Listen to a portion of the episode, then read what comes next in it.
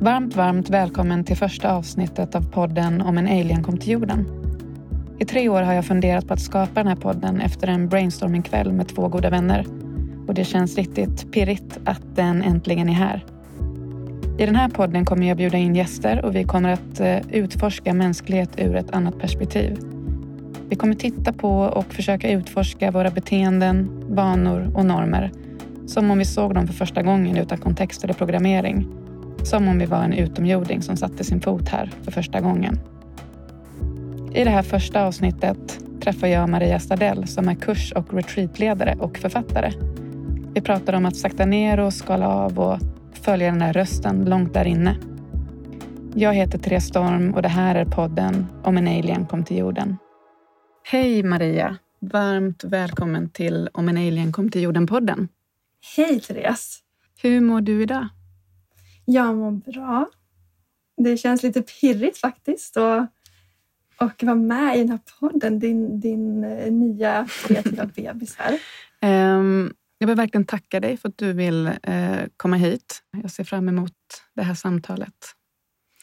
Uh, och jag tänkte att vi hoppar rakt in på en av de första frågorna. Vi bara slänger oss ut. Och uh, jag är nyfiken på vad du tror att en utomjording rent allmänt hade tänkt om platsen och människorna om det landade här hos oss på jorden? Oj, vilken stor fråga, Therese. oh. Jag tror att den hade känt att det var väldigt vackert här. Så mm. Som en första um, som en första känsla. Så skönhet, Um, ja. Och kanske också... Ja, det kanske beror på vilken årstid och vart i, vart i världen den landar. men, men om den skulle landa här där jag sitter nu så, och mitt i våren så känns det som att eh, den skulle tycka att det var väldigt vackert och, och livfullt. Mm. Um, ja, så det tror jag inledningsvis att den den skulle känna skönheten, så omgiven mm. av skönhet. Och vad tror du den hade tänkt om människorna? Om människorna um, så tror jag att den hade... Ja, ja, nu funderar jag lite om jag ska svara utifrån min eh, omgivning här. Hur jag, alltså om den skulle landa precis här utanför på ängen eller om den skulle liksom, om det ska vara så generellt kring världens människor. Um, men jag, jag, tror och hoppas att den skulle känna en vänlighet. En, en, att det fanns en medmänsklighet, en omtanke och en, och en nyfikenhet hos människorna här på jorden. Fint. Um, du är ju kurs och retreatledare och författare. Eh, och eh, det du valde ju för, ja nu är det ju två år sedan att flytta ut till ett gammalt hus på landet. Eh, och det är inte vilket hus som helst om jag har förstått det rätt. Nej, det är ett gammalt bönhus. Ett sånt här missionshus som fanns i alla byar förr i tiden. Och det är från 1898 byggdes det och det var kyrka här ända fram till 2000 faktiskt. Och sen har det varit i privata ägor mm. efter det. Så det är ett jättestort och härligt kreativt hus eh, som behöver mycket kärlek. och hur har det sett ut för dig, för er nu när ni har varit där i två år? Har det liksom varit så som du hade tänkt dig eh, för, av att köpa ett större gods och flytta till landet eller har det tätt sig på något annat sätt? Bra fråga, Therese. Jag jag har ju alltid haft den här drömmen om att få bo på landet mm. och känt att det är en livsstil som kan passa mig.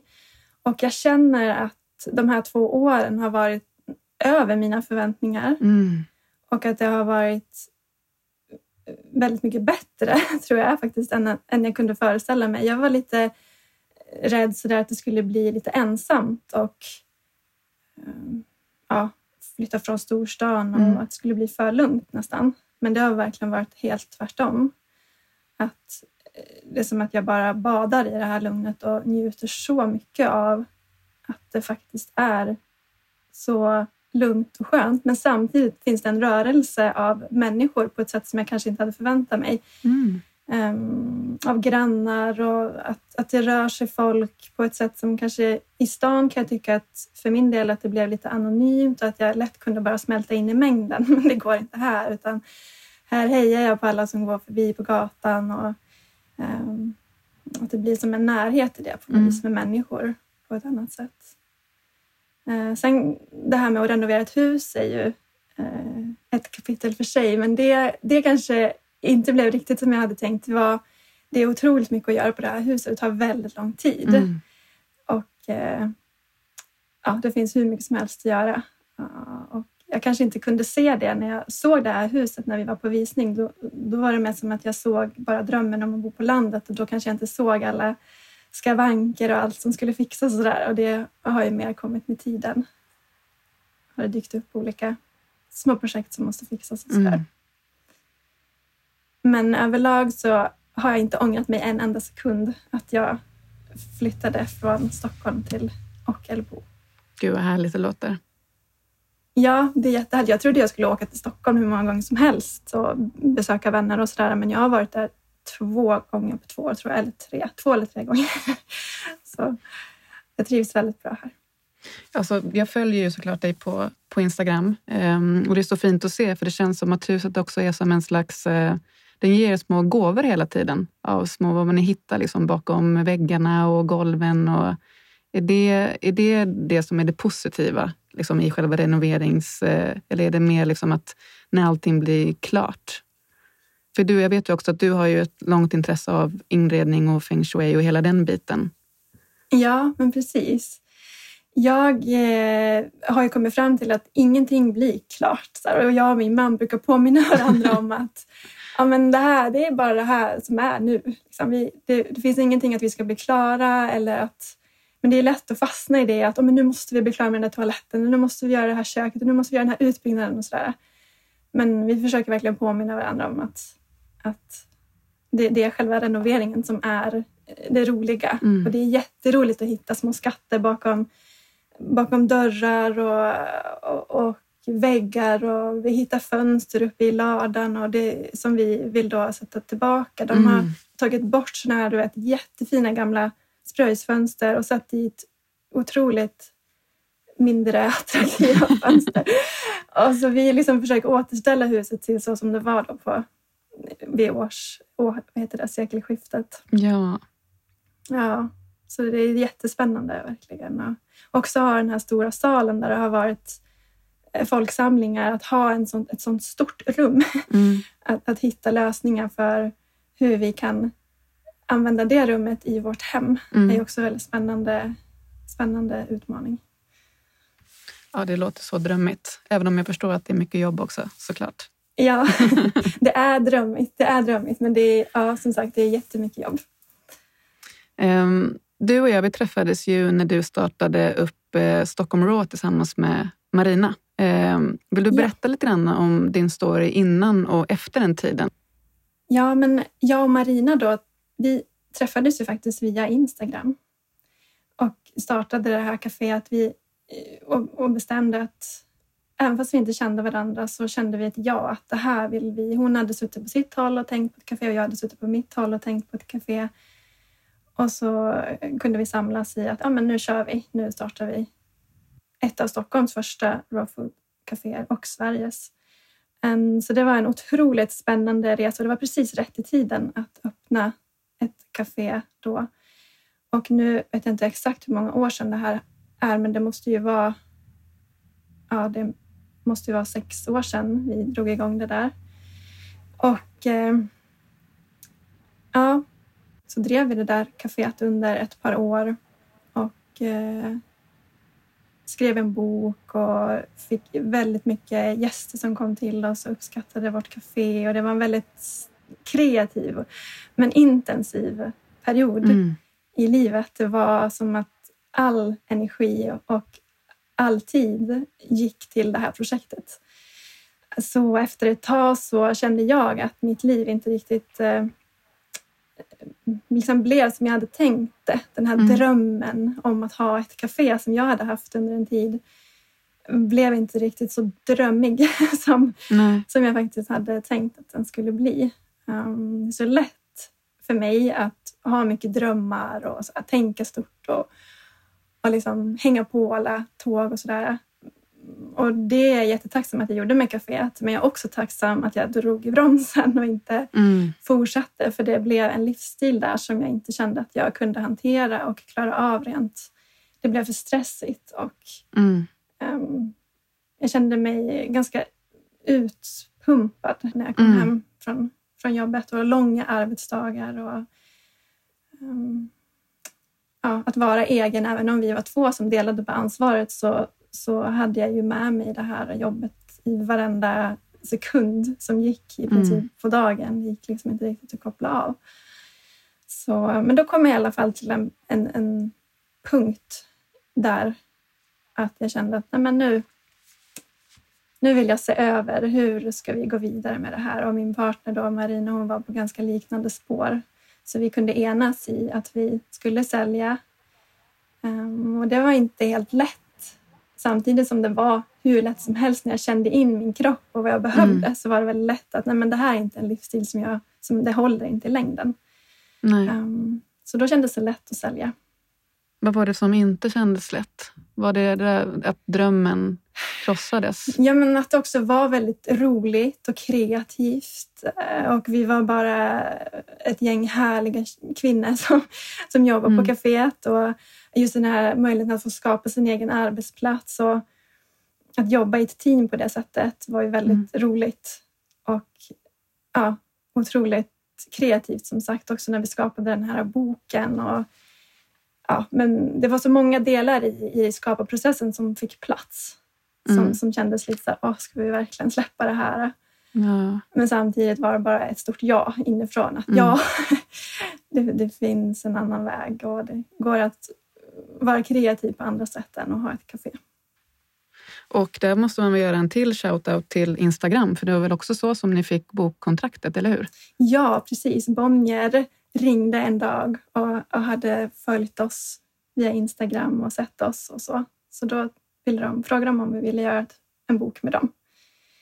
Så, och då hade vi tänkt att vi ville göra en bok så småningom. Då hade vi bara haft öppet ett halvår, så det var ganska Mm. tidigt i liksom kaféprocessen där. Men vi tackade ja såklart och det var en jättefin kreativ resa. Bara den boken i sig var ett projekt i sig som var väldigt härligt att få vara en del av. Och den lever ju vidare Ja, än den idag, gör ju det. eller hur? Ja, jag fick senast i, i morse en bild från en kvinna som hade bakat en tårta. Ja, mysigt. Ja. Men jag vet ju också att vi har ju pratat tidigare om...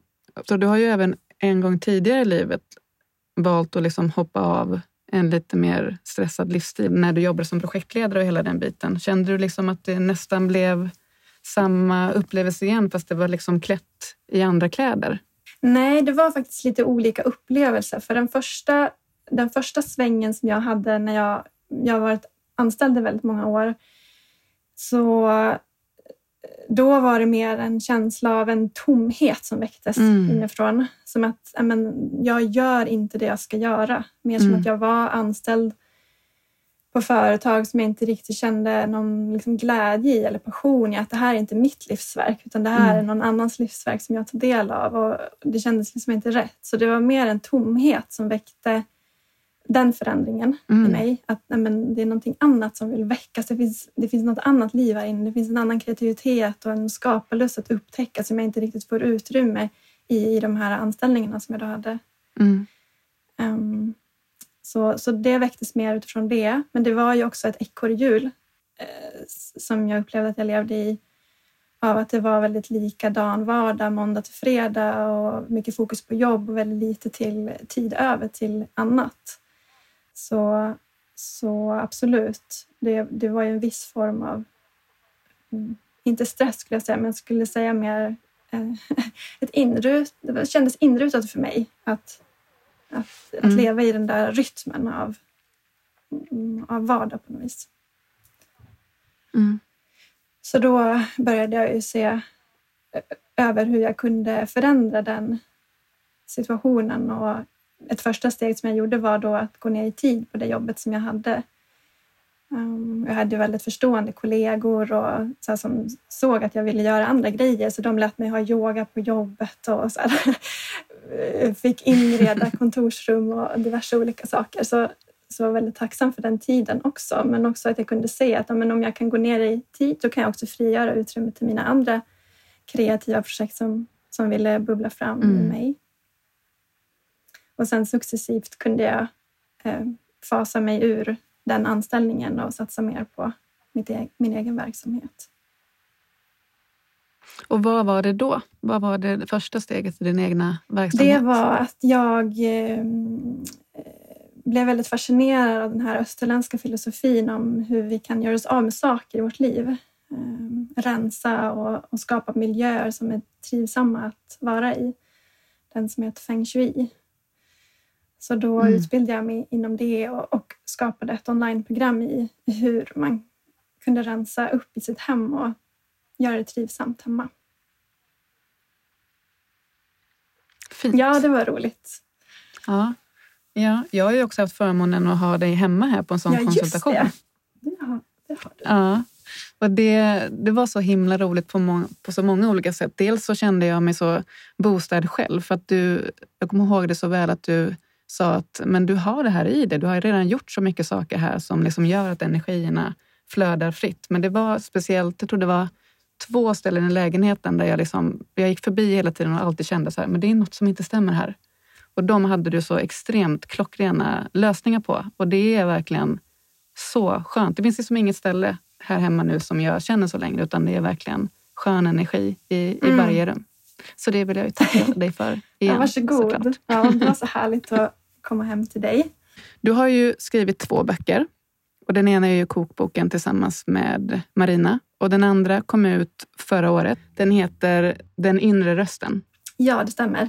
Och eh, så här beskrivs boken på din hemsida. Ehm, I en värld där allt fler gör anspråk på vår uppmärksamhet, där sociala medier och omvärldens brus ständigt avlöser varandra, är det lätt att tappa bort sig själv.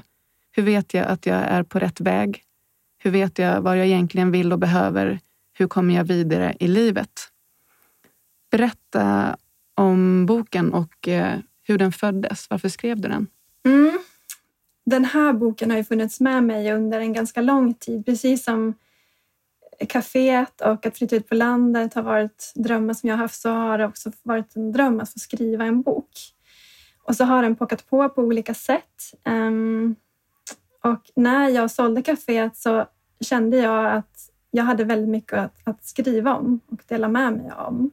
Dels i den kreativa processen men också om det här att, att välja en livsstil som, där jag varvar ner och skalar mm. av mycket i livet.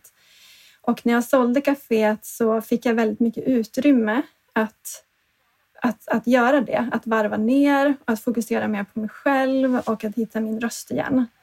Så efter ett tag där, jag kommer inte ihåg exakt, men kanske ett år, ett halvår, ett år efter, så märkte jag hur det ville skrivas texter.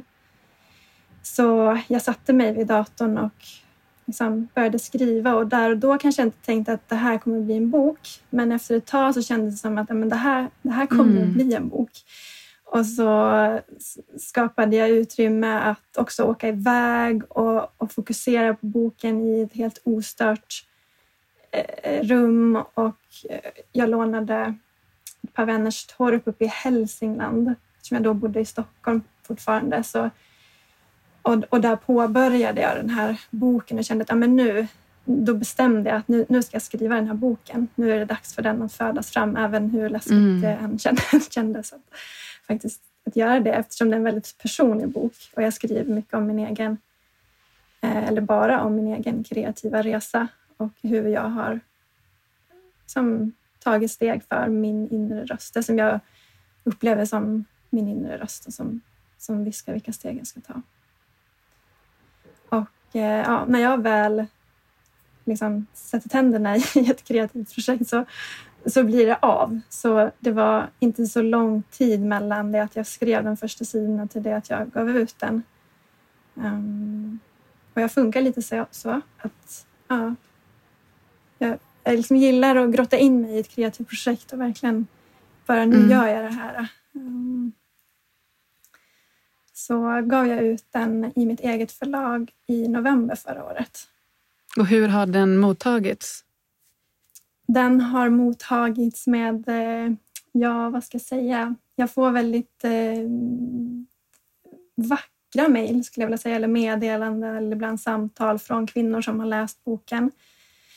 Så det känns som att den, den eh, bjuder in till en mjukhet och en mm. värme. Så jag får väldigt mjuka och härliga och så här mysiga brev från, från kvinnor som, som har tagit till sig den till sitt hjärta och att ja, vissa skriver till och med att den har förändrat deras liv, vilket är lite svårt att ta in. Men oh, wow, fint. Hur känns det när någon säger så? Jag tycker det är svårt att ta in det. Jag blir lite så här eh, ros om kinderna nu när jag sätter ord på det. Men det är också det är kul för jag har känt att jag har känt att jag, den här boken skriver jag dels för min egen process för att det är skönt att skriva av mig. Men jag har också känt att den här, det jag skriver ska vara för andra. Så det är såklart jättehärligt när någon hör av sig och verkligen skriver att de bär med sig den där väskan och att, de, att den får vara levande i, i någons liv. Mm. Mm, det, känns, ja, det känns ju bra. Det gör det. Jag läste på Instagram senast idag att det var några kompisar som hade startat som en liten bokcirkel nästan kring, kring boken. Ja, men precis. eh, det var jätteroligt. Det var en kvinna som jag inte alls känner som, som hörde av sig och bara skrev det att eh, hon och hennes vän hade läst den här boken liksom, på varsitt håll och sen när de hade läst ut den så hade det blivit så tomt så de kände, jaha, vad ska vi göra nu? Så då hade de kommit på den där idén att de kunde skapa en liten minikurs och och eftersom det är reflektionsfrågor i varje kapitel som man kan ställa mm. till sig själv så är det ett ganska... Jag blev jätteglad att de använder den på det sättet. För eh, det är just det som är tanken, att det ska vara en bok för reflektion och där jag verkligen stannar till i livet och liksom ställer mig de här frågorna till mitt inre. Och, och dela det med en vän känns ju klockrent. Gud vad fint. Um, jag är lite nyfiken på vad du tror att en utomjording hade sagt om om hur vi låter, alltså hur vi låter normer och andras åsikter styra många av våra val i livet. Ja, men då, alltså, om den här utomjordingen nu ska liksom ha ett... Alltså, jag måste tänka vad den ska komma med för... Om den kommer utifrån att den ska vara en lärare, tänker jag, då, mm. Eh, då skulle jag säga att den eh, kanske skulle säga att vi har trasslat in oss alldeles för mycket i det. Och att vi på något vis har blivit eh, alldeles för beroende av varandra på ett negativt sätt. Där vi lyssnar in mm. och känner in och, och följer strömmen snarare än den ström som flödar i var och en av oss. Det tror jag. Vad har du för, för vad ska man kalla det, råd eller tips att säga till någon som kanske lyssnar på det här som, som känner att de har svårt att hitta sin inre röst och att det liksom att precis som du beskrev i boken, att det är svårt att höra sin egen röst i bruset av alla andras. Ja, det som jag har märkt att jag själv behövde när jag kände att jag var precis i det av att jag följde allt och alla andras och brydde mig alldeles för mycket om andras åsikter. Det var att jag, att jag på något vis försökte få fatt i vad det var i mitt liv som faktiskt skavde och som och som inte riktigt så resonerade med en djupare plats, i en djupare plats i mig. Um, och att på något vis ge mig det utrymmet att lyssna. Vad är det som skaver? vad är det som tar energi i mitt liv? Um, och att försöka hitta det här utrymmet där jag bara får vara med mig själv. Och det kan vara en liten stund varje morgon eller en promenad på lunchen eller när jag jobbade i Stockholm och var anställd till exempel, då såg jag alltid till att jag eh, vårt kontor låg precis vid vattnet så att jag tog alltid en lunchpromenad. Så fanns det en jätteskön bänk där som jag alltid mm. satte mig på. Eh, och det kunde vara en kvart bara, men att få den där stunden mitt på dagen bara för mig själv gav så mycket. Eh, och mm. också nu i mitt liv så ser jag till att till exempel alltid börja morgonen med att skriva. För det tycker jag är ett skönt sätt att komma i kontakt med mig och det som, är, det som, är, det som rör sig i min kropp och min själ. Och att faktiskt börja dagen med det innan jag tar in mm. omvärlden. Och det har blivit en, en väldigt viktig och fin rutin där jag känner att ja, men här mm. hittar jag min rörelse och min, min röst. Det som är jag. Så det, det tycker jag är ett bra första så konkret tips på vad du kan göra. Att liksom ta fram dagboken och bara flödesskriva det som vill komma. Det, jag kan tänka mig att det är många som kanske känner en känsla av stress när man tänker den tanken. Att så här, hur ska det få plats i min morgon? Mm. Vad tänker du kring det? Ifall man liksom har en första reaktion som, som ter sig att man nästan blir stressad av det. Vad tänker du kring det? Ja, bra fråga. Då tänker jag att jag tror ju att det finns någon gång under dagen där vi faktiskt kan ge oss det här utrymmet, även om det inte är på morgonen, så kanske det finns en annan stund som är lite mer sådär som inte känns som en stressig tid. Kanske är du en kvällsmänniska och det passar bättre att ta den här stunden på kvällen. Eller om du kan hitta en stund på lunchen eller eftermiddagsfiket eller när som helst egentligen. Och jag tror att även fast det känns lite stressigt, att vi behöver ge oss den här tiden ändå. Men vi kanske mm. kan börja med att välja en tid på dygnet som, som passar oss bättre då om, om det är så att morgonen upplevs som stressig. Mm. Så det tror jag är det viktiga, att bara att ta något steg varje dag för mig själv. Vare sig det mm. rör sig om fem minuter eller en halvtimme. Att bara checka in, säga hej. Här är jag. Jag hör dig, jag ser dig. Och att det är tillräckligt. Att det inte ska ja. presteras. Eller liksom, ja, så tänker jag. Jättebra tips. Det tror jag. Eh, jag håller med dig verkligen. Eh, det är ju en, det är en, det är en övning också. Mm. Ju mer man kommer i kontakt med sig själv, ju, ju mer inser man att jag klarar mig inte riktigt utan den där stunden. Så jag tänker att det, det ger ju också väldigt snabbt en belöning, eller vad man ska kalla det. Alltså en reward på det sättet. Absolut. Som gör att man kanske helt plötsligt inte tycker att det är så jobbigt att prioritera det på morgonen. Mm. Verkligen. Jag håller med dig. Mm.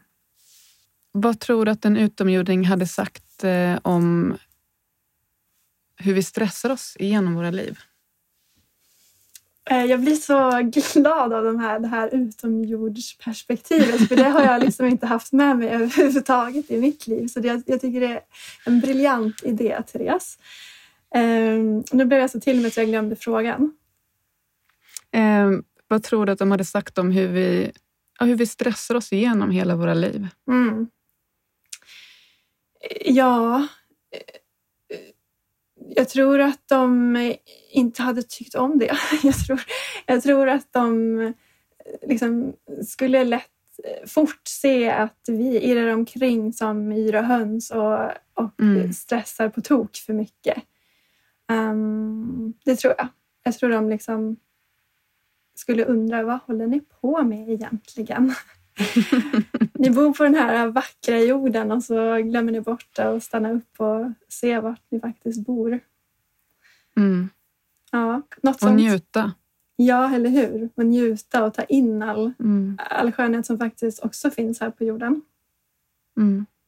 Vad tror du är som driver oss människor till den här stressen?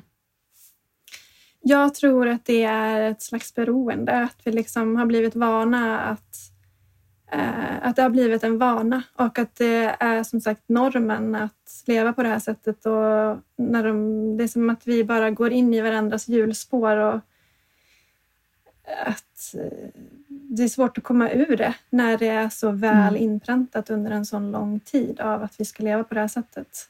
Så ja, vad som driver oss, ja, svårt, svårt att säga liksom drivkraften bakom stress. Men jag, jag tror ju att det är en slags, att, ja, en slags beroende. Att vi liksom tror mm. att vi måste göra på det här sättet. Svårt att komma ur också när vi liksom, jag tyckte i alla fall det när jag väl hade vant mig vid en viss livsstil och att jobba på det här sättet och alla andra gjorde mm. det och det kändes så normalt liksom att, att leva på det sättet. Bara, ska jag välja något annat? Varför då? Liksom, det är ju konstigt. Jag ska, varför ska jag liksom välja en annan livsstil? Så där Mm. att det kändes att jag var konstig på något vis också. Att, att jag kände mig Mm. fel för att jag inte köpte den här livsstilen. Som så Mm. många levde. Men, ja. Jag tycker ändå att det går mot, eh, alltså att vi på något vis ändå jag hoppas att den här utomjordingen också kan se att det finns hopp för oss och att vi, att vi väljer nya vägar och spår i livet som, som, som handlar mer om att varva ner och att välja en livsstil som är mer hållbar för, för Mm. oss och för omgivningen och för världen. Jag tänker kring stressen att det liksom är... Alltså det är ju inte kärleken som driver oss då, det är ju rädslan på något sätt. Rädslan att miss out och rädslan att inte få vara med. Och, ja, men lite som en överlevnadsinstinkt. Hela flocken har ju det här beteendet och ifall jag då skulle avvika, får jag verkligen vara med då? Kommer jag verkligen överleva? Mm. Lite så tänker jag. Vad tror du om det? Ja, men absolut. Jag håller med. Det är lite det jag också menade just med det där att, att som jag kände mig nästan lite konstig när jag inte skulle få liksom göra som alla andra. Och det är ju verkligen Mm. På ett sätt en överlevnadsinstinkt. Att det är klart, jag vill ju vara med i flocken. Jag vill ju tillhöra här och varför ska jag då välja en annan livsstig? Som, som, ja. Nej, jag håller helt med dig Therese. Det, det känns som att det, har blivit, det, det är djupt inpräntat på något vis. Mm. Att inte bara gå från den ena dagen till den andra, att, att ta sig ur det. Nej. Det är en process som behöver ske över tid. Verkligen. Men som du säger, det är ju, det är ju många som, som väcker ett annat sätt att tänka på och som tar steg Mm, mot det just nu. Det är en spännande tid. verkligen. Vi har kommit fram till eh, några avslutande frågor som jag kommer ställa alla mina gäster. Ja. Eh, och, ehm, den första är, vilken norm skulle du vilja ändra på Maria och varför? Oj, oj, oj, vilken fråga. Vilken bra fråga, Therese. Men du, åh gud, det finns så många. Var ska jag, vilken ska jag välja? Ehm, det är något med kvinnans, eh, det är något med kvinnan som dyker upp i mig nu. Uh, Mm. Någonting med att eh, liksom... Ja, men den här... eh, hur ska jag uttrycka det i ord? Den här normen av att, att, att vi... Att, um, hmm.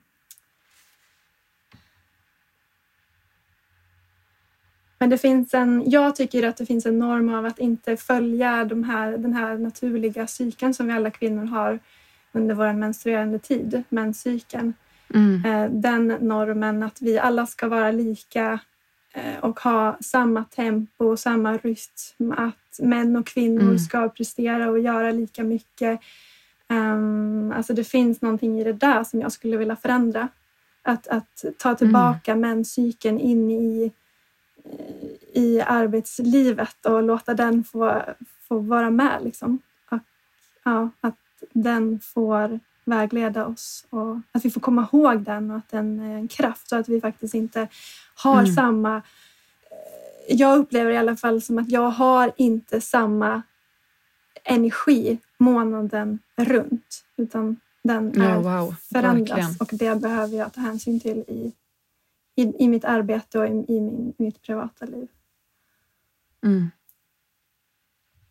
Ja, livskvaliteten hade ju liksom gone off the roof ifall vi hade liksom fått möjlighet att eh, anamma det och höra det. Men eh, jag tänker att det är ju väldigt mycket ihop om, med det som vi pratat om tidigare. Att, alltså, hur ska det ens få plats i den här stressen? Mm. Ehm, så ja, fint. Jag håller verkligen med dig. Det finns en otrolig kraft att, att hämta Ja, där. verkligen. Eh, nu är jag jättenyfiken på att eh, få reda på lite grann om en person som har inspirerat och präglat dig i livet någon gång. Eller kanske genom hela livet, vad vet jag?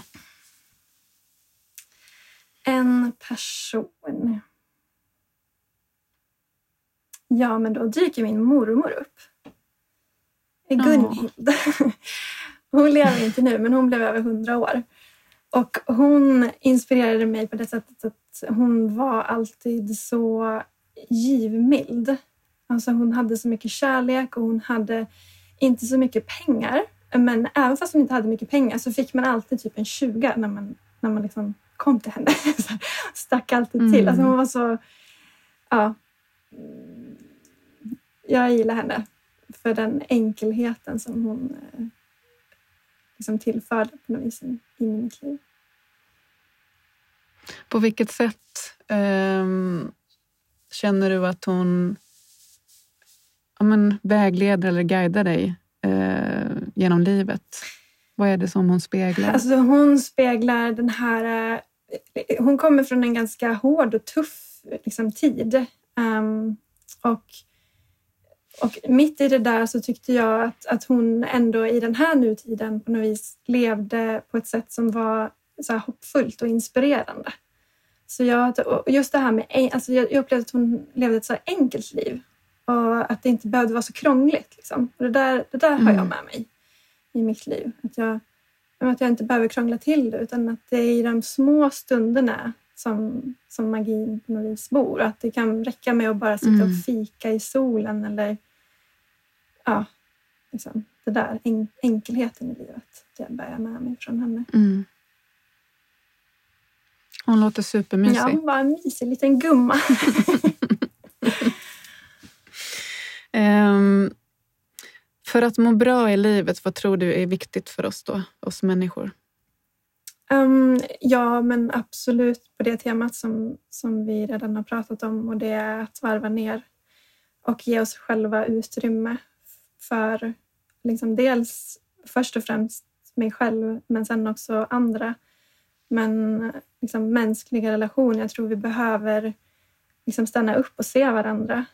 Och först behöver jag se mig själv för att jag ska kunna se andra. Så att, eh, ja, Mm. utrymme i vardagen. Att, att så våga ge oss tid för blanka dagar i kalendern och så stanna upp och bara gå ut och ta en promenad, ta sig i skorna och gå barfota, inte vet jag, men bara liksom den här enkelheten tror jag. Det, det, Mm. det tycker jag själv om så mycket. Det ger mig jättemycket när jag bara ger mig de där enkla stunderna. Att det inte är alltså, något stort och onåbart i framtiden. Utan vad kan jag göra idag? Vad kan, vad kan jag faktiskt Mm. ge mig själv idag som jag mår bra av? Någonting bara, något litet. Känner du att den här enkelheten har funnits med ända sedan barnsben eller någonting som kom, kom fram när du började sakta ner och skala av? Att du kom i kontakt med den då eller fanns den redan med från början? Mm.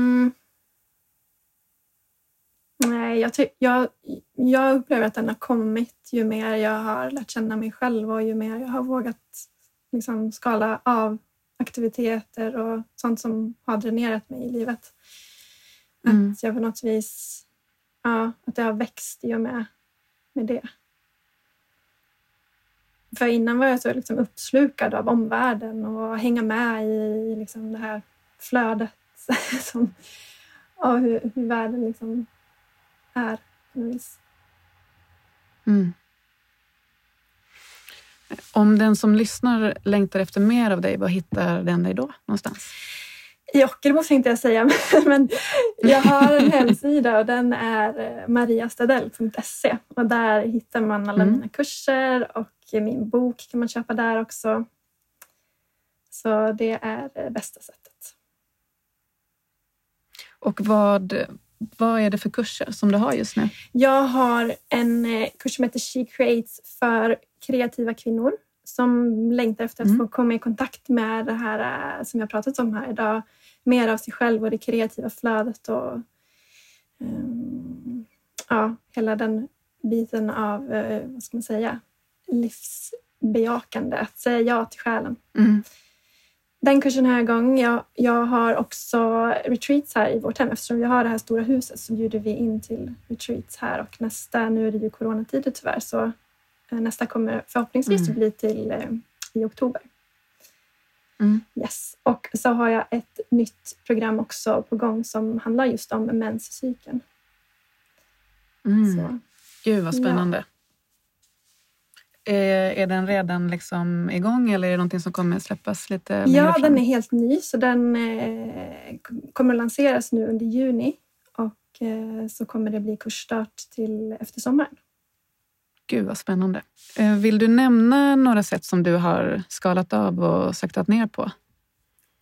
Ja, men som sagt, jag fyllde ju mitt liv med väldigt mycket aktiviteter och eh, liksom diverse, liksom bara fullproppat dagarna ut i ända, mm. vad heter det, dagarna i ända. Och bland annat så, eh, ja men jag valde bort så här, serietittandet, eh, dagstidningen, um, alltså hur jag konsumerade, alltså att liksom välja en annan typ av konsumtion än att, mm. än, än att gå liksom och shoppa, shoppa på stora shoppingmalls.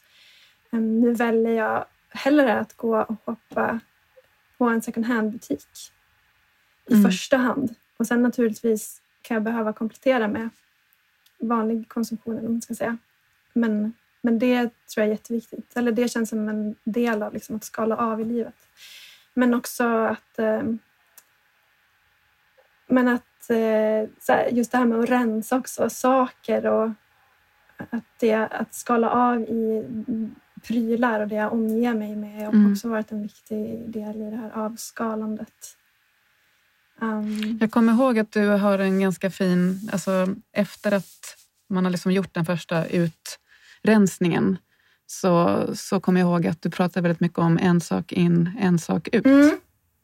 Är det någonting som du fortfarande eh, liksom gör? Men nu har jag varit väldigt influerad av den här Marie Kondo. Från, eh, mm. och hon dissar ju det där sättet helt med en sak okay. en sak. Jag tyckte det var ganska uh. bra tills dess att jag läste hennes bok och, och, och då fick jag lite nya perspektiv på det hela. Och mer att, eh, att, att jag gör den här storrensningen på något vis och jag tar ut alla mina grejer i mitt hem som jag inte tycker om, som inte liksom ger mm. mig glädje och energi.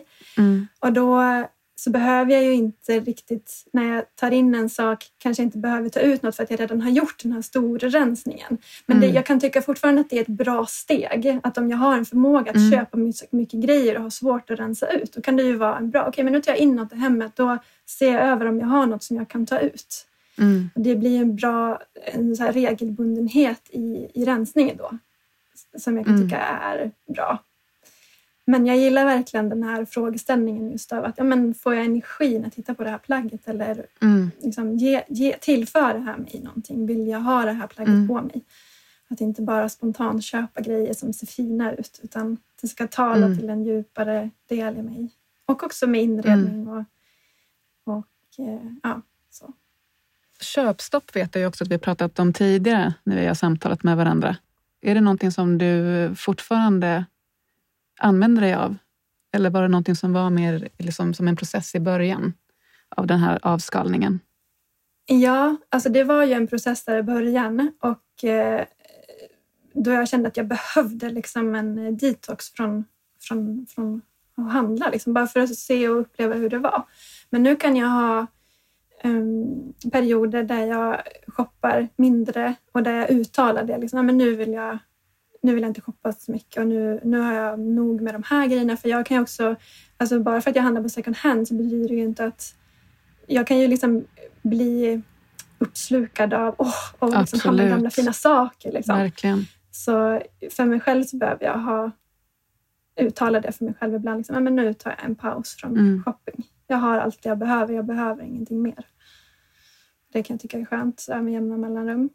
Alltså det är ju någonting märkligt också det där med att man, när man aldrig stannar upp så går det inte riktigt heller att riktigt uppskatta de sakerna man har, alltså redan har.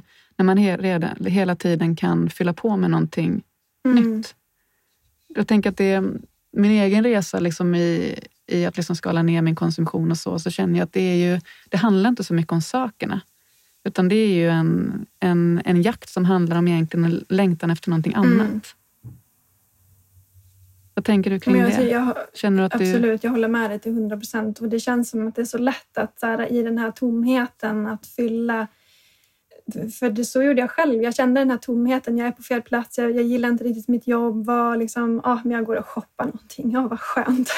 Mm. och så kändes det bra liksom, i en timme och sen var jag tillbaka till samma tomhet igen.